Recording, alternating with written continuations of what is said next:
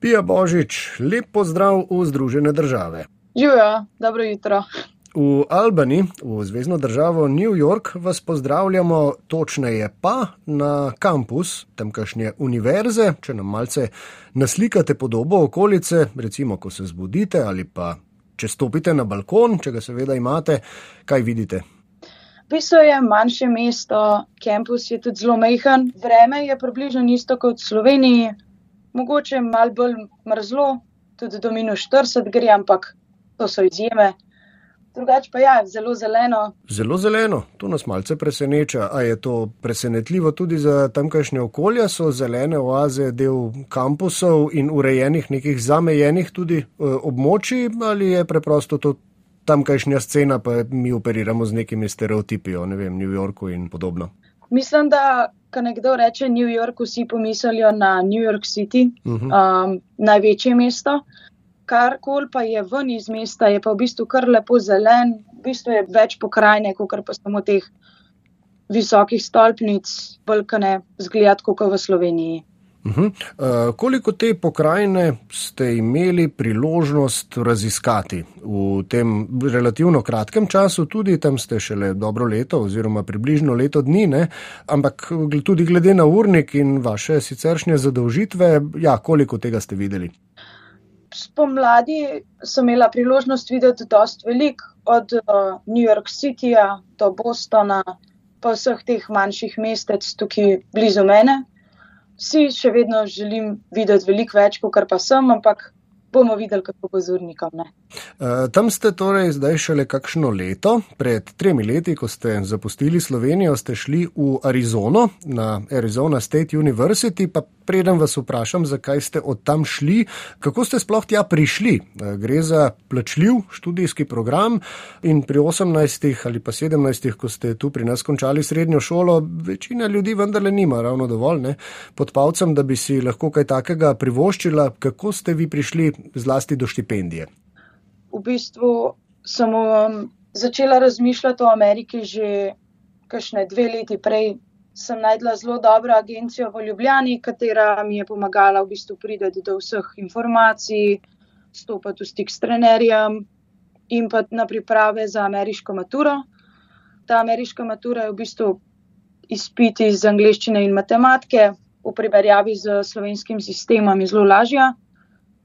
Ampak ja, v bistvu začel se je tako, da sem naredila vse izpite, oni so stopili v stike s trenerjem in smo se začeli pogovarjati, kam bi pa jaz šla prvi let sem preletela direkt v Arizono, nisem se imela nad zabrant, ker je vreme super. Ekipa je bila super, šola je bila pa zelo, zelo velika.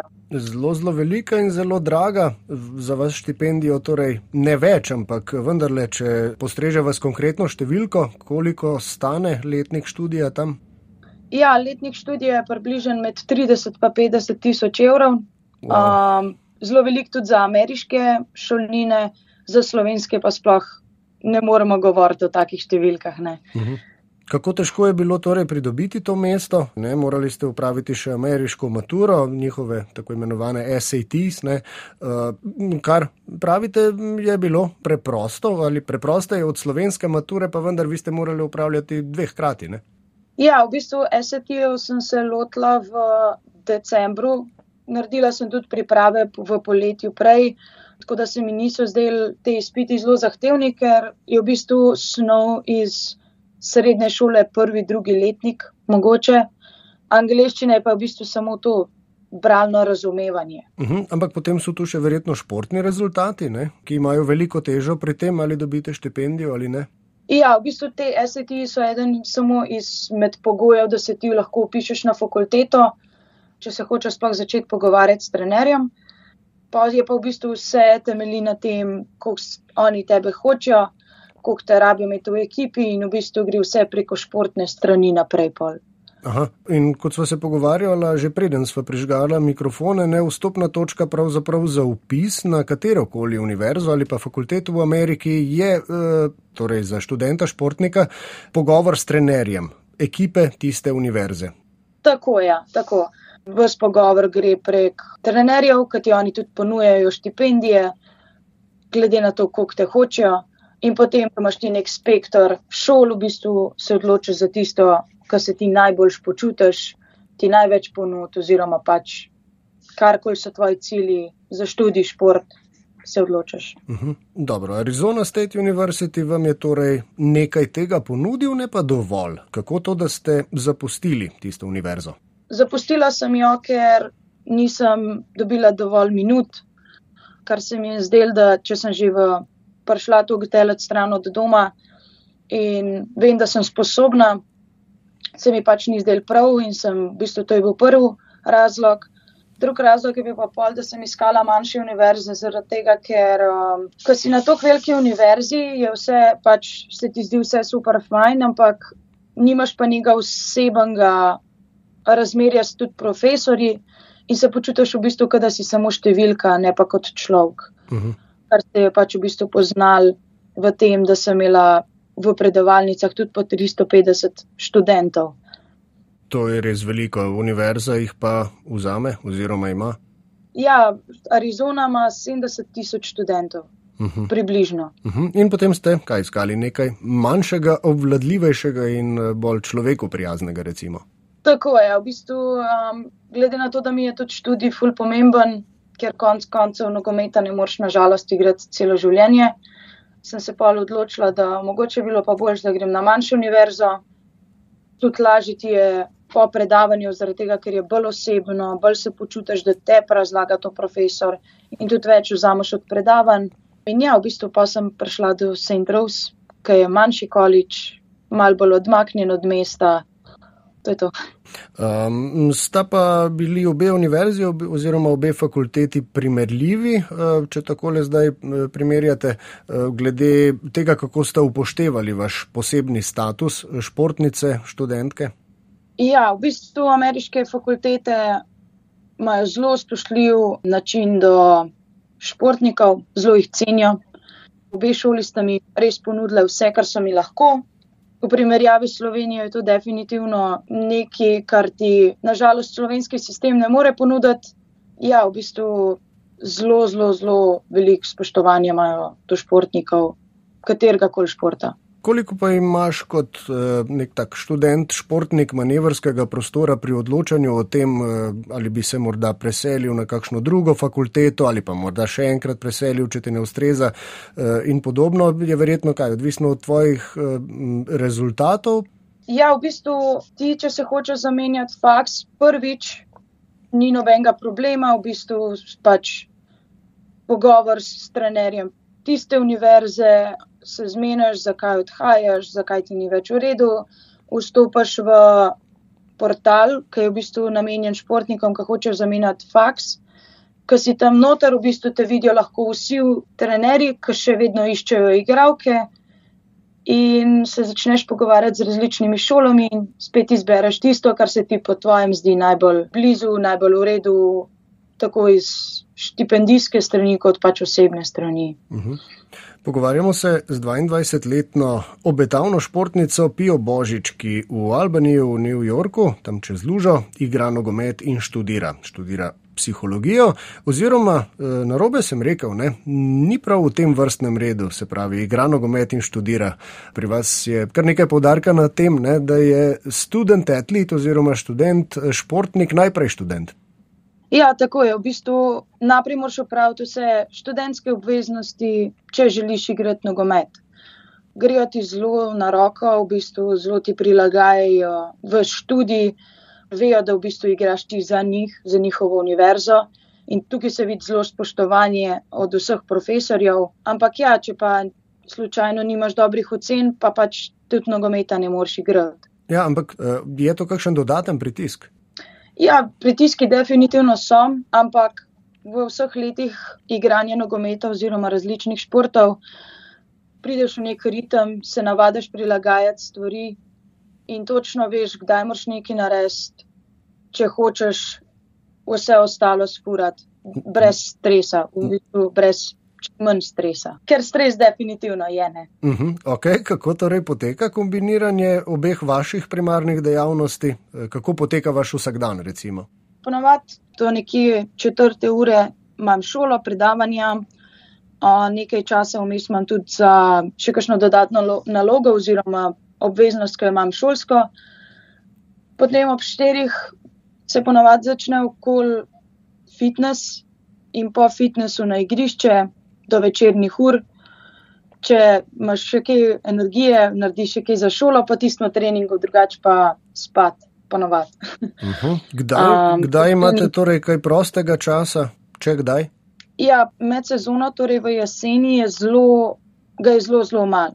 Kakšen vikend, mogoče kakšen dan vmes, ampak je res, ga ni veliko. Pol v spomladanskem semestru so pa ponovadi vikendi frej, pa po dneve imaš frej, ker nimaš toliko velik treninga. Moraš ga najti nekaj časa zase, no vmes pa tudi če je 20 minut, pa 20 minut.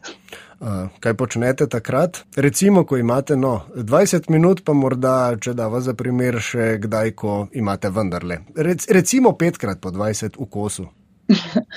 ja, ponavadi se dobimo s prijatelji, družimo s soigravkami izven igrišča ali pa skočimo na kakšen izlet v kakšne bližnje mesto, kakšen bowling, čisto odvisen od dneva uhum. in koliko imamo sploh še energije. Da, ampak te, kot uh, vas slišim, ni prav veliko krat presežka. Ne, definitivno v jeseni, kdaj sploh nimaš časa za v trgovino skočiti. Pol spomladi ga pa najdemo, te vikendi še posebej spomladi, v bistvu živimo za vikende, če bi tako rekel. Spring break, wuhu. Ja, to, to, to pa definitivno. Ja, ena stvar, ki se v bistvu veselijo čisto vsi študenti, je spring break, kjer v bistvu se čisto odklopiš od zunanjega življenja, sploh pa od šole. Teden, ki uživaš nekje na toplem, na plaži. Ja. In to je podobno, recimo, našim maturanskim izletom? Ja, kar zelo sam da v bistvu je ponovadi še slabši. Še slabše slabš. v smislu, še, še intenzivneje po tistih primarnih ja. dejavnostih, ki so kaj za pijanje in uh, ponočevanje. Ja, tako je. V bistvu deset dni skupaj, nekje na toplem, kaš na Florida, Cancun, v Mehiki, pa res non-stop 24-7. Ni spanja. Potem pa počivate na treningih v prihodnjih tednih ali kako. Ja, pa, pa spiš med predavanji, pa spiš med treningom, kot ti le rata. Dobro, e, kakšno mnenje imate sicer o tamkajšnjem izobraževalnem sistemu, kolikor ga poznate, zlasti mislim e, visokošolskega, tu sicer pri nas niste študirali, pa vendar ne, po občutku je laže, teže, enako, ker maturi smo že primerjali in nekaj ugotovila, ne? so kakšne razlike pri načinu dela? Ja, v bistvu jaz opazam to, da je študij v Ameriki zelo lažji, oziroma je bolj sproten. Ni na koncu tega kaosa in zadnji teden, vse v enem tednu, vse izpite, ampak je v bistvu sproti, vsak teden, vsak mesec imaš ti izpite in v bistvu vse sproti, pomal pa pomal jemliš skupaj. Kar se mi je še zdelo zanimivo, ko smo se pogovarjali pred oklopom mikrofonov, je, da ste mi rekli, da obstajajo tudi dobre plati tega, da je študij pravzaprav plačljiv, ne? oziroma da imajo tudi vaši sošolci in sošolke občutek hvaležnosti, da so pravzaprav tam, kar se pozna tudi pri načinu vašega dela. Ja, definitivno se ta plačljiv faks pozna v tem, da vsi delajo faks s tem namenom, da ga hoče narediti čim prej, pa čim boljš. In ko imaš ti skupinsko nalogo, prvi dan se usedemo dol, se pogovorimo, kdo bo kaj naredil, kaj bo naredil, in res vse naredimo tako, kot je treba, ker v bistvu, če ti plačeš 30 tisoč na letnik, ne plačeš za to, da se boš pa mal zaprkavo, pa mal ne boš naredil, pa se bojo že uni, pa se. In v bistvu se naučiš tega, da, da res moraš delati. No. Uh mhm. -huh ceste, na katerih se obračunava cestnine, imajo manj prikolic. Ja, lahko. Kako pa ste se privadili na življenje v Ameriki? Ste še slovenka v Ameriki, že počasi slovenska američanka ali pa ne vem, morda že američanka s slovenskimi koreninami? Ja, ne, definitivno sem še vedno slovenka, um, vedno bom slovenka. Nekaj na začetku malo rabaš, da se navadiš, kakšne stvari so v bistvu tako te presenetijo Naprimer? v dobrem smislu. V bistvu je to, da so ljudje zelo, zelo odprti v primerjavi s Slovenijo. S tabo hočejo vedno vzpostaviti nek manjši pogovor, Ali pa tudi, če te na koncu na cesti ustavijo, pa te sam pohvalijo, kako mi je pa tvoja majica všeč, pa grejo naprej. V bistvu to so take stvari, ki sploh nisi navajen na njih, ki sploh ne veš, kako bi odreagiral na začetku. Ampak v bistvu je bolj, kaj ne vse površno, rečeš živijo in je to to. Aha, okay. In greš naprej. Torej, ta prijaznost, oziroma vsaj navidezna prijaznost, skriva tudi neke pasti, oziroma to je samo ena plat stvari. Ne? Govorite o površinskosti oziroma površnosti odnosov. Tako je, v bistvu si vse na površini, ni nekega globjega, nekega zaupanja, kar seveda, če nisi navajen na to, pač te ta prijaznost lahko zavede, lahko nekomu zaupaš, čeprav pač se pa zelo hitro naučiš, da v bistvu niso takoj zaupanja vredni v bistvu najboljši tako, da rečemo, da dobiš veliko prijateljev, ni pa v njih najboljših prijateljev. Ni to nekdo, ki veš, da boš mu lahko zaupal, pa da boš res prijatelj za celo življenje. No. Uh mhm. -huh. Cimre, prav tako nogometašice, ne, živite s tremi ali koliko njimi eh, niso eh, zadostno nadomestilo? Definitivno moje cimre sem res zadela kar bi temu rekel, jackpot, zelo dobro se razumemo na igrišču, izven igrišča, tudi zelo veliko stvari počnemo skupaj. Je pa vse drugo, ko poznaš enega eno leto ali pa ko poznaš nekoga deset let. Se navadiš. No. Uh mhm. -huh. Kdaj zaključite s študijem, eh, do diplomskim, torej, in v katero smer vas vleče od tam dalje, bolj v študent ali bolj v atlet? Ja, jaz z dodiplomskim študijem zaključim naslednje leto, potem pa si želim zaradi let nogometa, ki mi jih je še ostal, ostati še kakšno leto, dve v Ameriki, da naredim tam magisterij v smeri psihologije. Nogometa, nažalost, ne moreš igrati celo življenje, zato se mi zdi, da je izobrazba zelo pomembna in me nekako bolj vleče v psihološke vode. No. Pija Božič, obetavna mlada nogometašica in bodoča psihologinja, je bila z nami v oddaji Globalna vas. Pija, najlepša hvala, da ste si odtrgali košček časa iz svojega natrpanega urnika. Želimo vam obilo športnih in študijskih uspehov, tudi v prihodnje pa seveda lepo zdrav iz Ljubljane. Najlepša hvala.